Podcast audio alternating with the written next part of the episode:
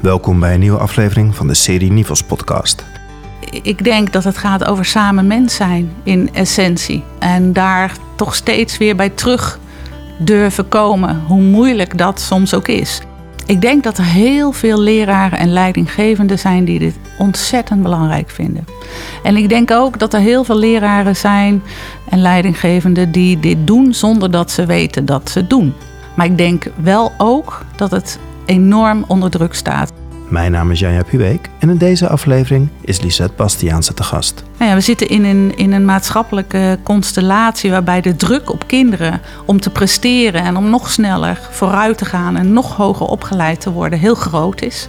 Je zou kunnen zeggen dat dat op spanning staat met het proberen zin te geven, echt zin te geven aan je leven, omdat de tijd en de rust om daar innerlijk bij stil te staan vaak ontbreekt. Lisette Bastiaanse heeft onder leiding van Gert Pista promotieonderzoek gedaan waarin ze inzoomt op aandachtige betrokkenheid in de leraar-leerlingenrelatie. Ik beschrijf aandachtige betrokkenheid als een intentie van waaruit je de ander tegemoet treedt. En in die intentie zit een bepaalde manier van je verhouden tot die ander. En, en dus gebeurt er ook al iets uh, vanuit uh, die intentie. En dus is het meer dan alleen maar een intentie. De centrale vraag van het onderzoek is: wat is de waarde en betekenis van aandachtige betrokkenheid binnen het dagelijks pedagogisch handelen van leraren? Welkom Lisette in de podcast van Nivos. Tussen ons in ligt jouw mooie proefschrift Aandachtige betrokkenheid als pedagogische grondhouding. Daar gaan we het uitgebreid over hebben. Maar een van de stukjes waarmee jij begint, zou ik je willen vragen of jij die zelf zou kunnen voordragen. Het is een stukje van Picasso. En het is wat mij betreft een mooie opmaat voor dit gesprek. Ja, is goed. Ik, uh, ik begin dus mijn proefschrift inderdaad met een tekst van Picasso. Ik zal het eerste stukje voorlezen. Ik zoek niet, ik vind. Zoeken, dat is uitgaan van het oude in een willen vinden van het al bekende in het nieuwe. Vinden, dat is het volledig nieuwe, ook in de beweging. Alle wegen zijn open en wat gevonden wordt is onbekend. Het is een waagstuk, een heilig avontuur. Waarom heb je dit als eerste tekst aan de lezer meegegeven? Nou ja, ik ben er zelf op een gegeven moment uh, bij uitgekomen en ik dacht, ja, dit, dit is precies waar het pedagogische over gaat. Het pedagogische gebeurt uh, eigenlijk. Dat is niet iets wat maakbaar is, wat je. Uh, je kunt hoogstens proberen iets in gang te zetten, maar of er iets gebeurt, weet je niet. Welke kant uit weet je niet. En je weet ook niet uh, de weg die je nog nooit met z'n tweeën in dit geval bewandeld hebt. En hoe harder je het probeert te grijpen, ook dat opvoeden, hoe, hoe minder goed het zal gaan. Dus dat is de eerste reden. En de tweede reden is dat het eigenlijk ook de manier is waarop ik mijn proefschrift heb uh, vormgegeven. Ik heb ook geprobeerd om niet heel hard te zoeken, maar wel te vinden. Om dus ook heel dicht bij het pedagogische te blijven daarin. Kan je ons vertellen, wat is het? Waar gaat het over? Wat is aandachtige betrokkenheid? Ja, het is natuurlijk heel moeilijk om dat in, in één hele korte definitie uh, neer te zetten. Maar, maar ik zou zeggen, aandachtige betrokkenheid is een manier van in de wereld zijn. Een, een manier van de ander tegemoet uh, treden. Waarbij je de intentie hebt om die ander werkelijk als mens te ontmoeten. Wat ik heel mooi vind in, jou, in jouw proefschrift is, je hebt veel pedagoog heb je aangehaald. Uh, letterlijk ga je eigenlijk op de schouders van, van een aantal pedagogische reuzen staan. Ja. Kan jij de luisteraar meenemen door een aantal en waarom je deze pedagogen in het licht hebt gezet of waarom je die als bron hebt meegenomen? Nou ja, dat kan ik wel. En uh, misschien is het ook interessant omdat het best ingewikkeld is om dat pedagogische uh, te vatten. Heel, heel vaak wordt het toch uh, aangegeven als sociale veiligheid of als er maar een, een, geborgen klimaat is. Terwijl het is eigenlijk veel meer dan dat. Of eigenlijk is het iets anders dan dat. Ik ben mijn zoektocht overigens begonnen bij Andries Baart die de presentietheorie heeft geschreven, die heeft mij meegenomen in wat is nou eigenlijk aandachtig betrokken zijn bij een mens? Uh, hij heeft een uh, prachtige zorgethische theorie geschreven waarin hij aangeeft dat als je niet eerst met iemand bent, dat je er dan ook niet voor iemand kunt zijn. En hij laat eigenlijk in alles zien dat achter een patiënt, in, in zijn geval, want hij doet het meest in de zorg, altijd een mens zit die heel veel grotere en andere vragen heeft dan alleen de technische behandeling waar hij voor komt. Uh, van hem heb ik het zinnetje meegenomen. Uh, aandacht biedt de kiem van een relatie en van daaruit zal een mens opstaan. En het is maar één heel kort zinnetje, maar er zit zoveel in, want je doet eigenlijk al van alles relationeel voordat je iets aan het doen bent, zou je kunnen zeggen. En als ik dan ga naar de pedagogen, dan, uh, nou ja, dan heb ik een, een, een, echt een favoriet van mij, is uh, Otto Friedrich Bolno. Voordat ik hier aan deze studie begon, had ik ook nog nooit van gehoord, maar ik raad iedereen aan om hem te lezen. Ehm, ik heb van hem ook een zinnetje uitgekozen. En dat zinnetje is: Als de mens beschikbaar is, betekent dit dat hij zich vrij heeft gemaakt van zijn bevangenheid in zichzelf en dat hij daarom weer vrij is geworden voor zijn taak in de wereld. En waarom vind je hem zo geweldig? Uh, hij, doet een aantal dingen. Hij beschrijft aan de ene kant een pedagogisch bedrijfsklimaat, noemt hij het. Hij heeft het over een gestemdheid en een afgestemdheid, waar de opvoeder in zou moeten verkeren. Dus hij geeft bijvoorbeeld aan dat een kind in een ochtendstemming zou moeten mogen opgroeien. Uh, waarbij vrolijkheid en hoop en vertrouwen de toon zet. Maar dat de opvoeder zelf vanuit een soort avondstemming uh, zou moeten opereren. Vanuit het reine goede noemt hij dat. Dus alles al doorgemaakt hebt. Hè? Dat je alles al doorgemaakt hebt en dat je daarom juist een kind kunt begeleiden in dat volwassen leren omgaan met vrijheid. Uh, en, en hij geeft aan dat het allerbelangrijkste in de pedagogiek is eigenlijk dat je uh, als mens, dus als kind, je geborgen le leert weten bij jezelf. Hij heeft het over een getroost gemoed. En dat dus wat je vroeger van je ouders kreeg of ergens anders vandaan haalde, dat je dat eigenlijk zou moeten kunnen leren vinden bij jezelf. Omdat dat de manier is waarop je open kunt staan naar de wereld. En uh, wat hem betreft gaat het erover dat je open blijft staan naar anderen en naar wat de wereld van je vraagt. Omdat je met anderen samenleeft. En omdat iedereen een eigen opdracht in, in het leven te vervullen heeft, zou je kunnen zeggen. Uh, Boeber is ook een uh, hele mooie. Martin Boeber. Uh, die, dat, ik, ik, denk dat veel mensen hem wel kennen van zijn Ik en Jij of Ik en Gij boek. En eigenlijk is Boeber gaat heel erg uit dat we alleen maar mens zijn omdat we in relatie met anderen bestaan. Dus dat is de manier waarop we zijn. Als we alleen zouden zijn, zou het mens zijn er niet zijn. En hij zegt dat het belangrijk is dat je uh, in die interactie met die andere mens leert voelen en ervaren. Uh, waar jouw diepste ziel zit, zou ik maar zeggen. En uh, hoe je daarin samen onderweg kunt zijn. En hij, hij heeft ook een speciale plek over vrijheid. Hè, want de pedagogen spreken allemaal over het volwassen omgaan met je eigen vrijheid.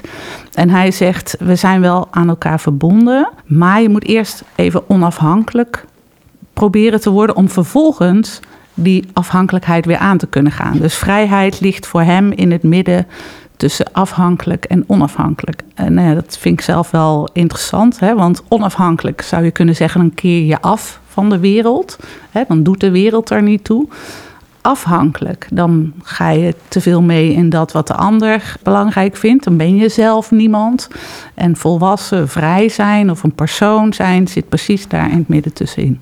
Je beschrijft ook uitgebreid Bista en hij heeft je ook begeleid ja. bij je promotieonderzoek. Ja, zeker. Ja. Wat heb jij meegenomen in jouw promotieonderzoek van Bista? Uh, nou ja, Gert Bista gaat vooral ook in op waar gaat die vrijheid nou eigenlijk over? En wat voor soort vrijheid is dat? Dus ik heb ook een zinnetje uh, waarin hij, uh, dus hij zegt in eerste instantie zegt hij van, nou ja, het gaat erom dat je als kind de ruimte krijgt om te ontdekken dat je zelf een vrijheid hebt.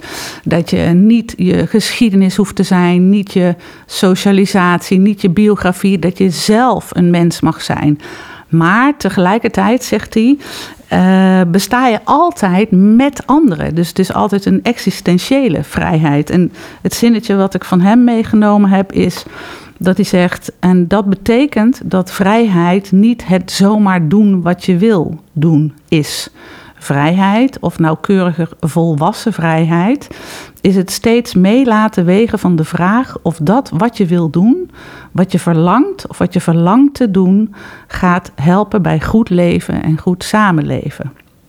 Dus hij beschrijft daarbij het moeilijke midden. Hij zegt, je zult altijd, de vrijheid van de ander is net zo belangrijk als die van jou. En, en hoe zorg je, uh, hè, blijf je vanuit jezelf, omdat jij als mens dat wil, niet omdat het jou wordt opgelegd. Uh, hoe blijf je dan in het goede midden? En hoe kun je als opvoeder uh, van betekenis zijn om een kind daarmee te laten oefenen. En, en wat hij ook daarbij aangeeft, en dat vond ik zelf, heb ik echt wel heel veel van geleerd, is, is dat hij zegt, maar opvoeden is dus eigenlijk een hele moeilijke en onplezierige klus. Want wat jou te doen staat als opvoeder is dat je een kind leert ervaren dat de wereld niet alleen om hem of haar draait. En dat vraagt om vertraging en om geduld en om een zekere wrijving. Maar ook om een vertrouwen zonder dat je weet dat het allemaal goed gaat komen. Maar om een vertrouwen van als ik me zo opstel, dan hoop ik dat een kind ervaart van, oh, ik ben zelf iemand en ik moet mijn eigen vrijheid oppakken. Maar je weet nooit wanneer dat gebeurt en je weet ook niet hoe het gebeurt. Een lastige taak. En uh, opvoeden is een, zeker een lastige taak. Ja, ja, hoe meer je erover nadenkt, hoe moeilijker het wordt. Hey, en hoe heb jij dan jouw theorie vormgegeven hieruit? Wat, wat heb jij hieruit gehaald als het gaat over aandachtige betrokkenheid? Nou ja, ik ben uitgegaan van het idee dat het vrijheid dus altijd existentieel is. Hè? Dus dat je altijd je beweegt in relatie tot anderen en tot de wereld. En dat dus een relationeel proces is. Dat oefenen met die omgaan met die vrijheid. En wat ik uh, uit Baard heb meegenomen is dat daar altijd ook een soort van existentiële beweging in zit. En dat is eigenlijk de basis voor mijn eigen theorie van aandachtige betrokkenheid geworden. Dus die existentiële beweging van de ander naar jou en bij jezelf van binnen. De luisteraar kan het niet zien, maar ik zie jou ook echt letterlijk bewegen met je, met je handen. En in je proefschrift omschrijf je het ook echt als een beweging als eb en vloed. Hè? Dus... Ja, ja, van buiten naar binnen, van binnen naar buiten. En, eh, en innerlijk van boven naar beneden en weer terug, zou je kunnen zeggen. Ja. Je, je, beschrijft heel mooi in je proefschrift drie aandachtsbewegingen. Zou je mij en de luisteraar mee willen nemen welke dat zijn. Waar, waar, waar gaat het over? En de eerste is aandachtig zijn. Ja, ik, ik beschrijf dus drie bewegingen die, eh, waarvan ik zeg dat die alle drie iets doen waar het gaat om het laten oefenen met het als mens verschijnen. En dat die bewegingen eigenlijk in enige vorm samen in beeld zouden moeten komen. Uh, en aandachtig zijn gaat dan, ik noem dat de binnenkomende beweging. Dat gaat over uh, de vraag of je in staat bent om de ander werkelijk van binnen bij jou te ontvangen. Uh, en eigenlijk is dat uh, een hele nederige vorm van aandacht. Hè. Het is ook meer dan alleen maar aandacht, want eigenlijk zit er ook al een soort van handeling in, ook al doe je nog helemaal niks. Dus het gaat over het ontvangen van die ander bij jou van binnen. En daar zit een soort van ruimtemakende kwaliteit. Op het moment dat jij dat kunt, dat je jezelf zo onbelangrijk kunt vinden, dat, hè, dat de aandacht er echt voor die ander is, uh, krijgt de ander, zoals Carl Rogers zou zeggen, de kans om uit zijn kerker te komen en zichzelf aan jou te laten zien. Uh, dat is de eerste beweging. En wil je daar ook meteen een, stuk van uit jouw eh, observaties over delen? Het klinkt nu heel abstract, maar als je in realiteit gaat kijken, dan kom je toch eigenlijk overal van alles tegen. En een van de portretten die ik geschreven heb, ik heb 15 portretten van aandachtige betrokkenheid geschreven, speelt zich af op een uh, voortgezet speciaal onderwijsschool. Uh, bij leraar Johan. En dit is een heel klein stukje tekst over het ochtendritueel. Het ochtendritueel gaat van start. Drie, vier docenten heten de kinderen zittend of staand in de buurt van de hoekbank welkom. Hey Rens, hoe is het geweest gisteren? Hey, goedemorgen Karel, hoe gaat het vandaag? Een hand, een knuffel, een kort of wat langer antwoord en door lopen de jongeren op weg naar de eerste les van de dag. Ik merk in mezelf ontroering, zo'n kleine moeite, maar zo'n groot gebaar. Je wordt hier op deze school echt welkom geheten. Niet voor de vorm, maar gemeend. Zo merk ik aan de manier waarop de docenten naar de gegeven antwoorden op de hoe is het vandaag vraag luisteren. Wat doet dat met je als je ochtends op deze manier gezien wordt? Welke invloed heeft zo'n huiskamerachtig ritueel op jezelf gekend weten, je veilig weten? En waarom doen we dat niet op alle scholen altijd? Ja, dat is een mooi voorbeeld. Hè? Dus die leerkracht die ontvangt de kinderen en die is dan echt. Die is daar en, en hè, laat ze ook even merken hey, jij loopt binnen. Niet er loopt hier een kind binnen, maar Karel loopt binnen. En Karel heeft gisteren misschien wel van alles meegemaakt. En je proefde in alles dat dat een soort gemeend ontvangen van die ander was. En, en niet een kunstje of het hoort er nou eenmaal bij en handen geven doen we altijd. En uh, ja, daar gaat zo'n enorme kracht van uit. Terwijl het eigenlijk een heel zacht uh, gebaar is, zou je kunnen zeggen. Ja, en hij neemt het echt naar binnen, hè, wat ja. jij zo mooi ja. vertelt. Mooi. De, de tweede aandachtsbeweging is aanwezig zijn. Ja. Kan je misschien hetzelfde doen, uitleggen wat het is en voorzien van een mooi voorbeeld? Aanwezig zijn is, ik noem dat de innerlijke beweging. Die gaat in, in over het afstemmen op wat er zich van binnen in jou afspeelt. Hè, om lijf en leden en geest en gevoel een beetje bij elkaar te brengen. En op het moment dat je dat doet, stem je eigenlijk ook weer af op de buitenwereld. En ben je in staat om, om die buitenwereld misschien ook weer te zien voor wat die is. In plaats van dat je opgesloten zit in je eigen gedachten, drukte, emoties. Um, en dat gaat dus eigenlijk over een soort beschikbaar zijn in het hier en nu. En daar zit een heel erg een ontmoetende kwaliteit. Dus op het moment dat jij met lijf en leden wakker aanwezig bent, nodig je de ander uit om dat ook uh, te zijn.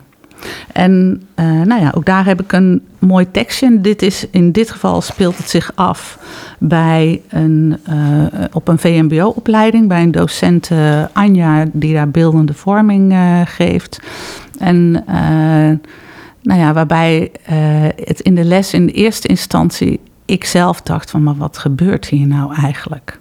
En ik denk dat dat dus heel erg te maken heeft met wat ik dat aan, tot aanwezig zijn komen. Uh, hè, hoe ik dat zo zou omschrijven.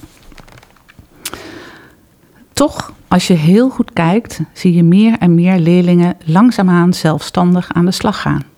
Iedere leerling krijgt even aandacht. Aandacht voor de taak, aandacht voor het kapsel of in enkel geval ook aandacht voor iets of iemand thuis. Zonder dat het er dik bovenop ligt, zonder dat het gekunsteld overkomt, zonder dat de groep uit het oog verloren wordt. Vanuit aandacht voor wat zich voor haar neus voordoet, lijkt Anja op deze manier ieder kind de kans te geven om in het hier en nu aan het werk te gaan.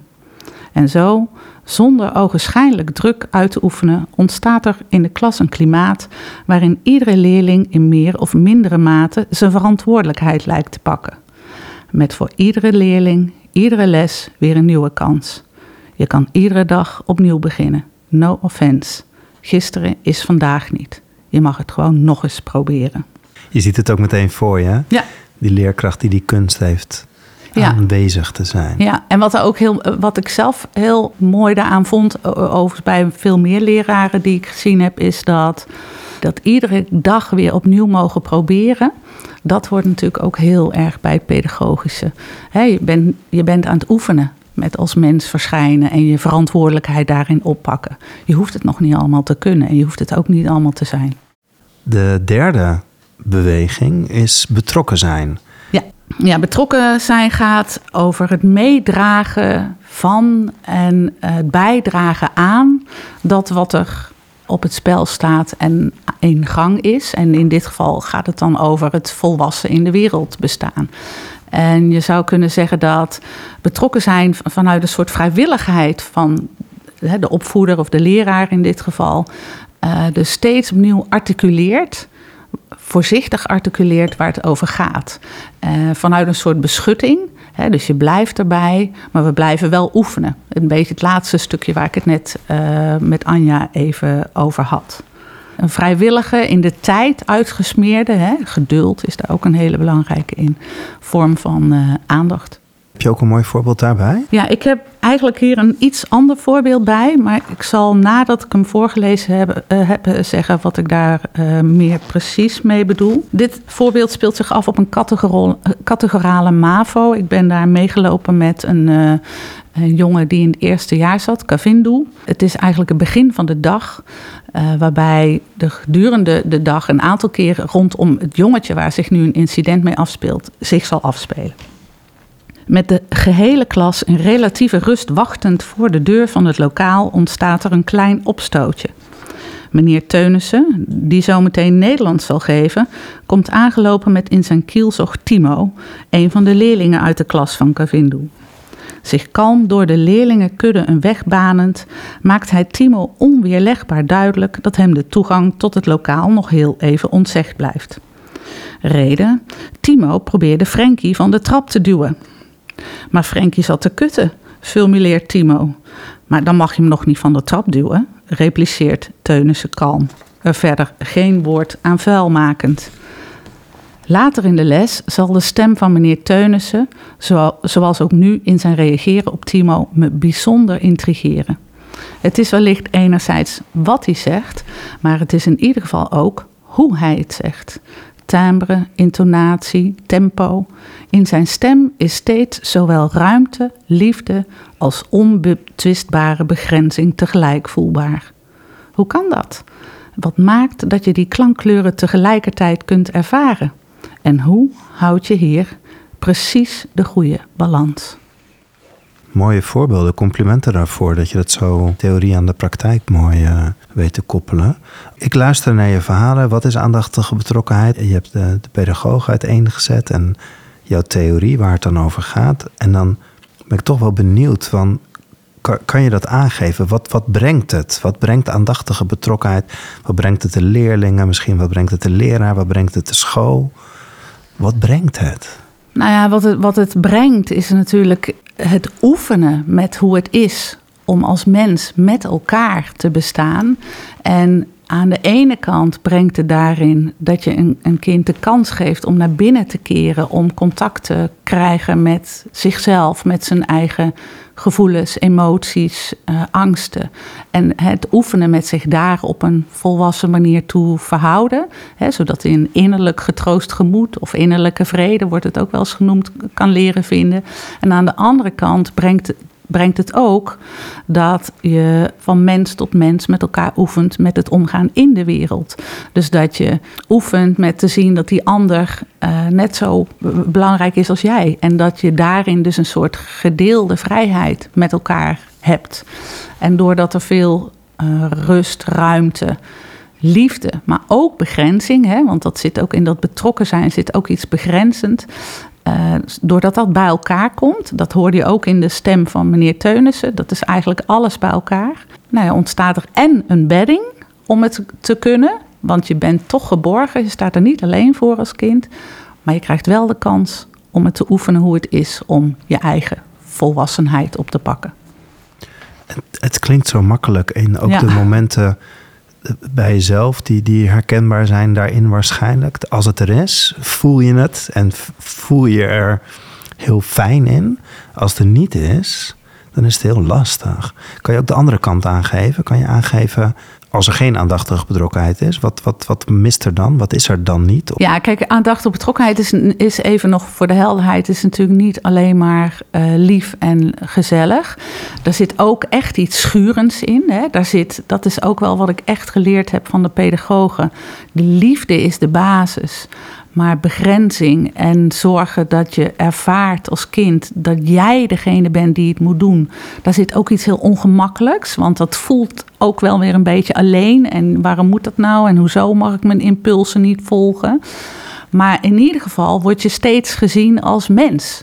En als het er niet is, ja, dan, ik denk dat we dat gevoel misschien allemaal ook wel uh, kennen. Dan word je misschien een, een object waar interventies op uitgeoefend worden. Of je wordt een, er wordt alleen maar gekeken naar je prestaties. Of je, misschien word je soms teruggebracht tot je diagnose. Overigens uh, denk ik dat er geen enkele leraar is die dat wil. Maar op het moment dat we het uit het oog verliezen, en vooral ook wanneer we het al maatschappelijk gezien uit het oog verliezen, is dat natuurlijk toch soms wel wat er gebeurt. Dat, het, dat de leerling achter de mens eigenlijk te weinig in beeld uh, kan komen. Ja, dan ben ik nu eigenlijk wel heel benieuwd waarom je dit onderzoek bent gaan doen. Waarom moest jij dit proefschrift schrijven? Nou, ja, kijk, ik denk dat bijna iedere onderzoeker ook uh, echt een, een uh, toch wel vaak een persoonlijke reden heeft waarom een thema hem of haar uh, aanspreekt. Hè. We doen daar soms een beetje spastisch over dat dat niet gezegd mag worden of dat we super objectief zijn en dat, dat je zelf geen persoon bent. Ik doe dat overigens anders in mijn onderzoek. Ik, ik heb eigenlijk twee redenen waarom ik, waarom ik dit moest doen. De eerste stamt al vroeg uit uit mijn eigen jeugd. Ik ben opgegroeid met een uh, vader die uh, langdurig somatisch ernstig ziek was. En heb dus heel veel in ziekenhuizen mee kunnen kijken. En je zag eigenlijk even grofweg twee soorten artsen, uh, vooral artsen, maar ook soms verpleegkundigen. En de ene groep was een interventie aan het uitoefenen en was, waren onderdelen binnen mijn vader aan het proberen te repareren. En de andere, daar voelde je je gezien bij. En, en ik was echt heel erg gefascineerd. Dus wat gebeurt hier nou eigenlijk en wat is het verschil? ik had er natuurlijk helemaal geen taal voor uh, op dat moment nog. Dus dat is wat ik vanuit de zorg heb meegekregen dat je 20 seconden mag spreken als je als uh, patiënt bij de huisarts op bezoek komt. En na 20 seconden wordt het van je overgenomen. Dus zo weinig tijd is er eigenlijk om jezelf hè, echt te laten zien. En de tweede aanleiding is, wat, is later toen ik in het onderwijs zelf ben gaan werken. Uh, gekomen. Ik was studieloopbaanbegeleider en ik had een studente, uh, Jamie, die nou, een hele moeilijke thuissituatie had en uh, nou, met wie het niet goed ging op school. Ik wist eigenlijk helemaal niet wat ik ermee moest doen en in ieder geval lukte het mij niet om haar op school te houden. Dat was echt een soort van kritisch incident. Dat ik dacht, dit is de derde opleiding die zij probeert te doen. Zij moet hier nu weg.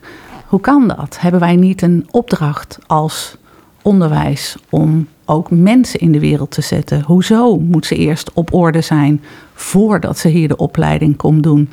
Wij hebben daar toch een taak liggen. Of, of is dat niet waar onze aandacht en betrokkenheid naar uit zou moeten gaan? Dus, dus dat was de tweede aanleiding, zou ik maar zeggen. Vanuit jouw achtergrond en als je, als je kijkt nu naar het opvoeden van kinderen of naar, naar het onderwijs, waarom is het dan belangrijk om aandacht voor die aandachtige betrokkenheid als grondhouding te hebben? Zijn we het vergeten? Vinden we het niet belangrijk genoeg?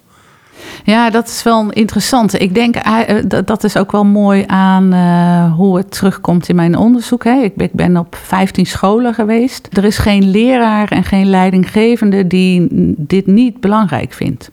Dus we zeggen, en het staat in de missies en in de visies. En alle mensen die ik gesproken en gezien heb, zeggen dat ze uiteindelijk een soort groter doel hebben waarvoor ze met kinderen omgaan. Net zo goed als dat je in de zorg ziet dat artsen met de mens te maken willen hebben. En tegelijkertijd uh, zie je dat de stap tussen dat willen en het in de praktijk kunnen brengen, dat daar zo verschrikkelijk veel uh, andere stappen nog genomen moeten worden. En ja, daar zie je het, uh, nou ja, dat het toch een stuk ingewikkelder is dan het lijkt. Uh, er zijn echt leraren die dat gewoon kunnen, ook binnen het bestaande systeem. Maar er zijn ook heel veel bij wie het binnen het bestaande systeem, wat toch veel meer gericht is op beheersing, op voortgang, op presteren, bij wie het dan niet lukt. Je, je, geeft, je geeft zo een tussenzin aan. De methode die jij gebruikt hebt en jouw methodiek is niet altijd even gangbaar, is vernieuwend, is, is anders. Ja. Kan je even de luisteraar meenemen? Want die heeft het misschien niet gelezen en die hoort nee. het. Nou ja, het allereerste wat ik vond was dat als ik aandachtige betrokkenheid wilde onderzoeken, dan vond ik dat ik ook aandachtig betrokken moest zijn. Ik vond dat ik het niet kon maken om uh, degene waar ik naartoe ging als een stukje data uh, te zien of zo. Hè? Dus dat idee was er ook heel sterk.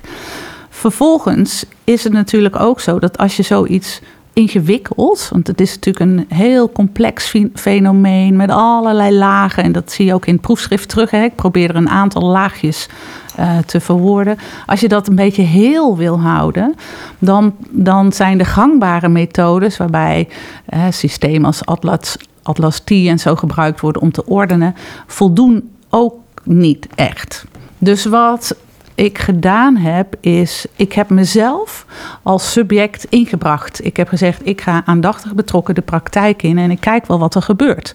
Dus ik had geen uh, plan, geen uh, zoekwoorden. Ik had een, een, wel een, een, hè, een zoeklicht vanuit mijn theorie, maar, maar dat was het dan ook. Dus ik heb eigenlijk vanuit een soort ontvankelijkheidsprincipe, zou je kunnen zeggen, mijn hele onderzoek opgezet. Ben daar naartoe gegaan, heb gekeken wat gebeurt er en heb dat vervolgens ook uh, aandachtig betrokken geprobeerd te verwoorden in 15 portretten van aandachtige betrokkenheid. Dus ook het hele proces van uh, nou ja, zeg maar het verzamelen van wat je bent tegengekomen tot en met het opschrijven. Is een soort van aandachtig betrokken proces geweest. Waarbij ik iedere keer opnieuw terug ben gegaan naar die momenten. Om te zoeken van ja, maar wat is nou echt wat hier gebeurt? waarbij ik ook geprobeerd heb om, net als dat docenten dat in de klas doen, ogen in mijn rug te hebben. Dus ook te zien wat er niet meteen te zien is op papier. Ik ken het niet zelf en ik heb begrepen dus dat het uh, redelijk uh, vernieuwend is om dat op deze manier te doen. Op een zodanige manier dat het dan tegelijkertijd wetenschappelijk verantwoord is. Ja, wat ik er heel fijn aan vind is dat je tussen haakjes iets vaags voor mij heel concreet weet te maken en je echt in mee kan nemen. Maar hoe werd er op gereageerd dat je het op deze manier vormgeeft? Ja, nou eigenlijk heel positief. Dus het is ook zo dat de mensen met wie ik ben meegelopen, uh, heb ik ook uitgebreid betrokken bij de portretten. Die herkennen zich heel erg in die portretten en in alles wat er gebeurt. Wat ik recent uh, nog iemand, ik heb een aantal mensen het laten lezen in verband met de proefpromotie. Die zei van het geeft me ademruimte omdat je als mens uh, ook mee het onderzoek mag doen. En daardoor kun je andere dingen zichtbaar maken die praktisch gezien ook waardevol zijn, omdat het niet alleen droge data is, maar iedereen kan zich die verhalen voorstellen die in die portretten staan. Dus eigenlijk tot nu toe heel positief. Wat mij ook opviel, want je, je, je vertelde net een aantal, uh, je zet een aantal pedagogen uiteen, maar je hebt er veel meer. Ja. Veel Engelstaligen. Het gangbaar is misschien ook wel Duits, uh, Duits Duitsstalig. Ja. Ja. Je hebt er heel bewust, lijkt het voor mij, voor gekozen om in het Nederlands te schrijven. Ja. Zit daar een idee achter? Um, ja, er zit, er zit een, een aantal ideeën achter. Wat ik geprobeerd heb te doen is zoiets vaags inderdaad als aandachtige betrokkenheid of de leerling zien of de leerling de kans geven om zich te laten zien of pedagogiek, ook heel vaag vaak, hè, om, dat, om daar meer taal voor te vinden, om dat op uh, begrip te brengen. Dat is best een ingewikkelde exercitie. Dus ik wil in ieder geval uh, mijn moedertaal daarin gebruiken, zodat ik die verfijning ook kan aanbrengen. Dat is één. En de andere kant is, voor mij is het wetenschappelijk onderzoek pas geslaagd als het ook iets kan betekenen voor de praktijk. Uh, was ik meegegaan in, het, uh, in de, het publiceren van vijf internationale artikelen, dan was dat waarschijnlijk beter geweest voor mijn eigen carrière.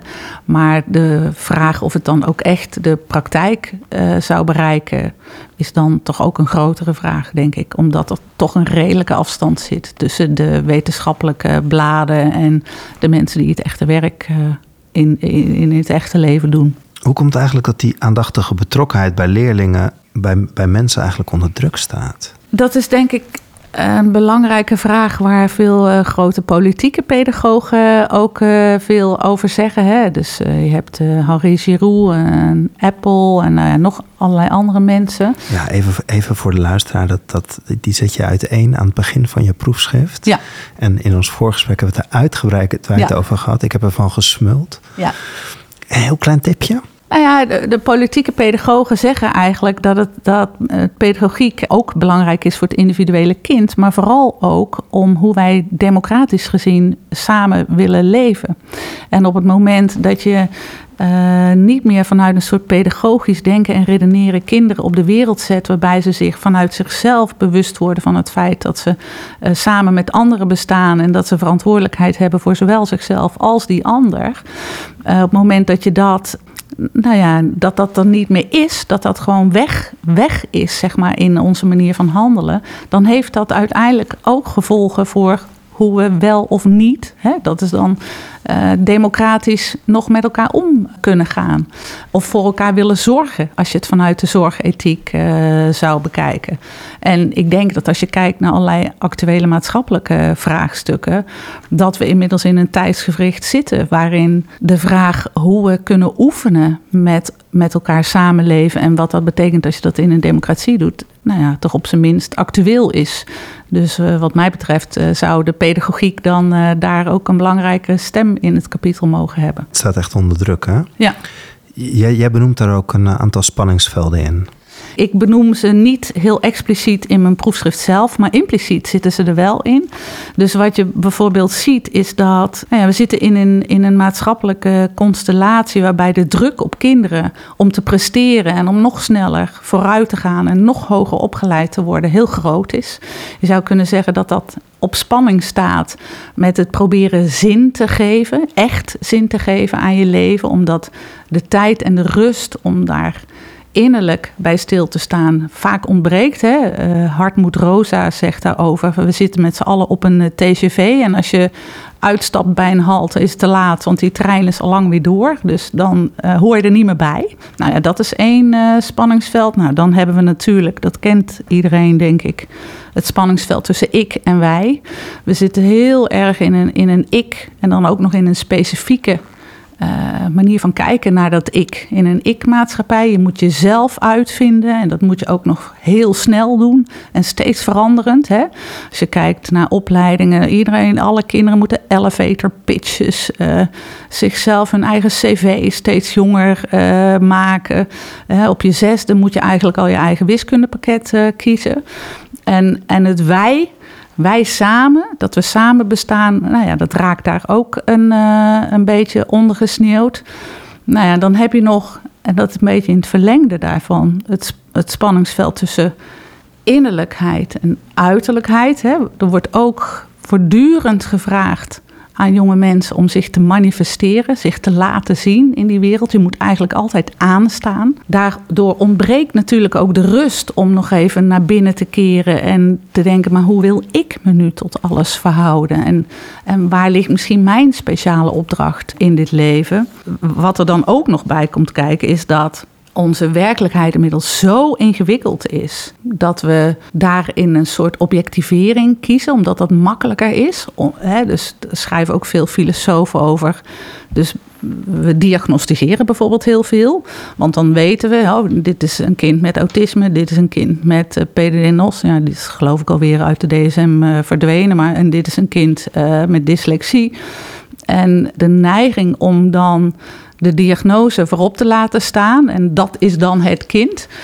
dat is, dat, die neiging bestaat ook. Dus waar het eigenlijk heel fijn was om diagnoses te hebben, om een kind misschien beter te leren kennen, uh, verdwijn je dus ook als persoon uit beeld.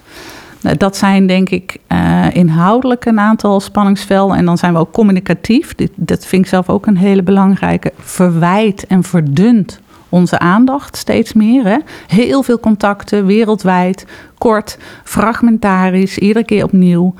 Uh, maar waar is die polymodale aandacht, waarbij je de hele mens met lijf en leden ontmoet en daar nog de tijd en ruimte voor hebt? Dus dat is ook een spanningsveld. Is het voldoende in beeld in het onderwijs? Is aandachtige betrokkenheid voldoende in beeld? Ik zou zeggen, you tell me. Jij doet heel veel interviews met uh, scholen. Ja, te weinig. Als ik jouw proefschrift lees, dan, dan schrijf je heel veel over iets wat zo fundamenteel is. Ja, ik denk dat er heel veel leraren en leidinggevenden zijn die dit ontzettend belangrijk vinden. En ik denk ook dat er heel veel leraren zijn en leidinggevenden die dit doen zonder dat ze weten dat ze het dus het feit dat ik er taal aan geef, wil niet zeggen dat het er niet al eerder uh, was. Maar ik denk wel ook dat het enorm onder druk staat. En als ik kijk naar de portretten, dan is er geen leraar die niet.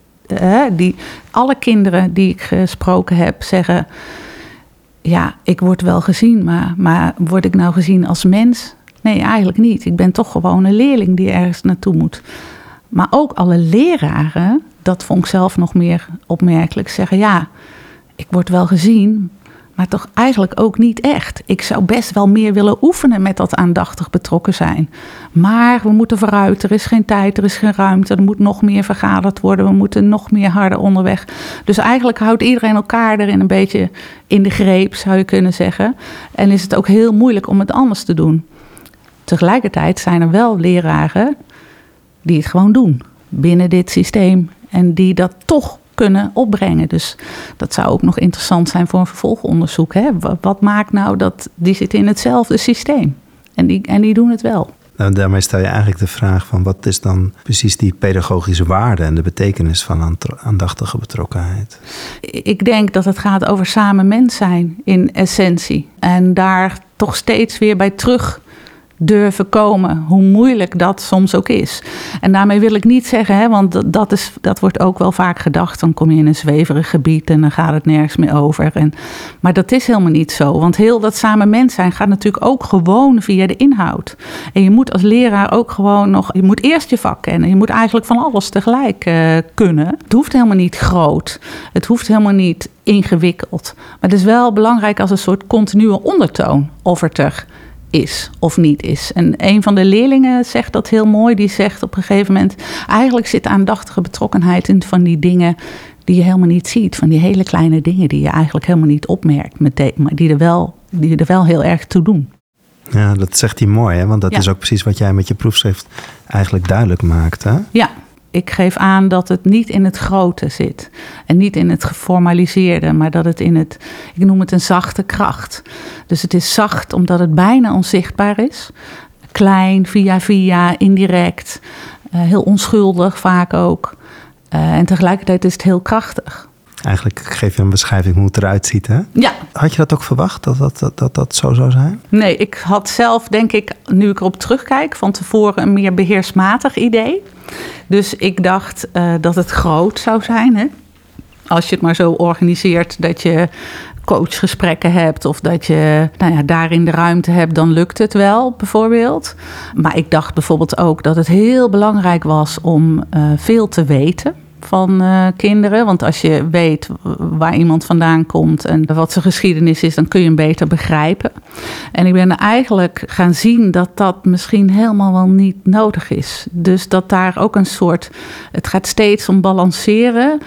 Uh, op het moment dat je kinderen te veel vanuit hun biografie, hun geschiedenis, hun diagnose ziet, is de vrije ruimte om nog zelf iemand te worden, anders dan die diagnose of die geschiedenis, is gelijk uh, ook weg.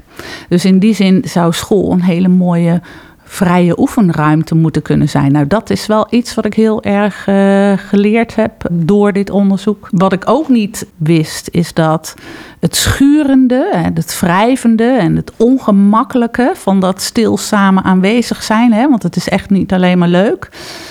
Uh, hoe cruciaal dat is in het, in het ervaren als kind, in het geraakt worden, dat je, jij je verantwoordelijkheid op moet pakken.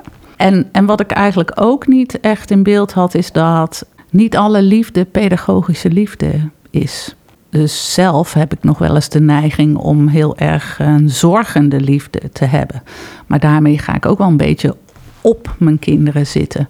En pedagogische liefde betekent ook je inhouden en terughouden en er wel bij zijn. Een soort uh, emergency readiness noemt Bono het uh, hebben maar het niet oplossen. Die liefdevolle basis, dat dat, dat, dat een soort bevrijde liefde moet zijn, ja, dat, dat was voor mezelf ook wel een, een nieuw inzicht. Kan je daarmee ook een antwoord geven op van ja, hoe kan je nou eigenlijk aandachtige betrokkenheid verzorgen met elkaar? Of wat, wat vraagt het nou van een leraar?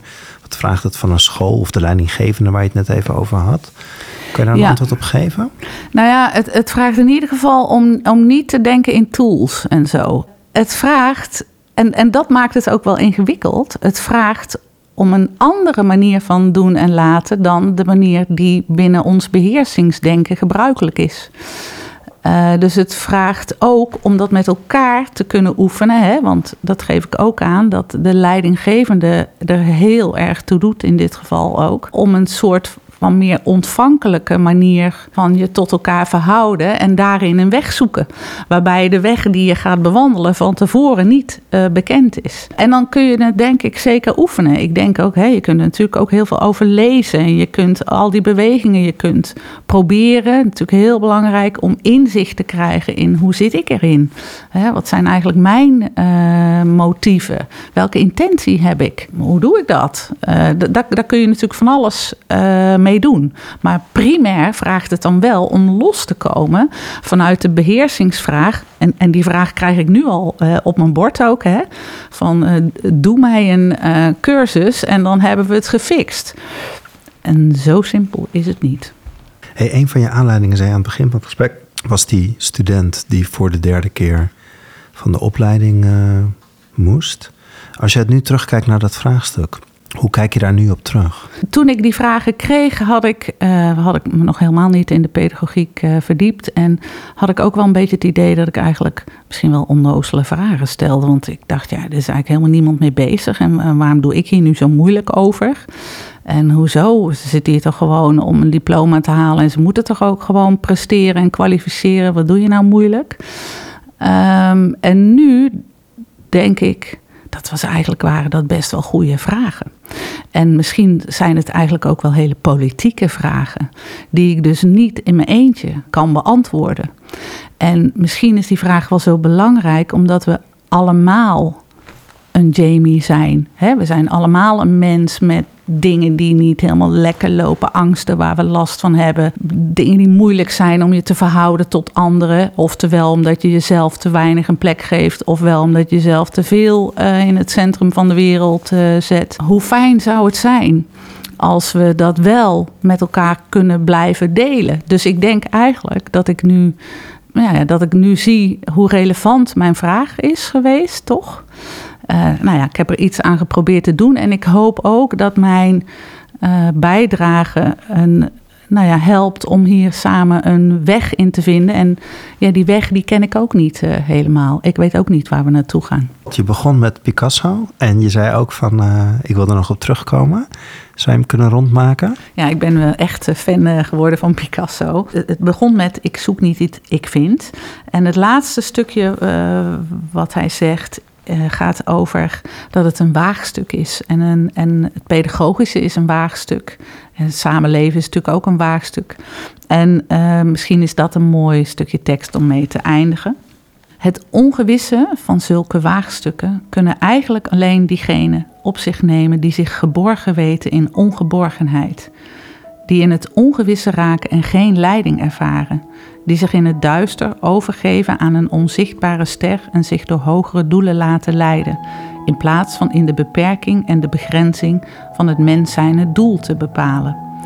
Dit openstaan voor ieder nieuw inzicht, voor iedere nieuwe beleving, zowel uiterlijk als innerlijk, dat is het wezenlijke van de moderne mens, die in alle angst voor het loslaten toch de genade ervaart van het gehouden zijn aan de openbaring van nieuwe mogelijkheden.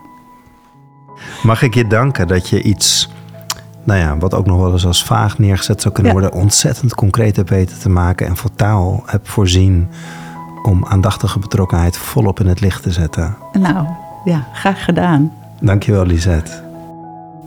Deze podcast is er eentje uit de Nivels podcastserie. Stichting Nivels sterk leraren en schoolleiders bij de uitvoering van hun pedagogische opdracht. Het Nivels opereert langs vier pijlers: de Nivelsopleidingen, het Nivels Podium het online platform Het Kind en de Nivos Denktank. Like deze podcast of geef een aantal sterretjes mee, zodat meer mensen deze podcast makkelijker kunnen vinden. Meer podcasts zijn ook te vinden op www.nivos.nl/podcast. Hoe dan ook, we nodigen u graag uit voor een volgend gesprek in deze serie.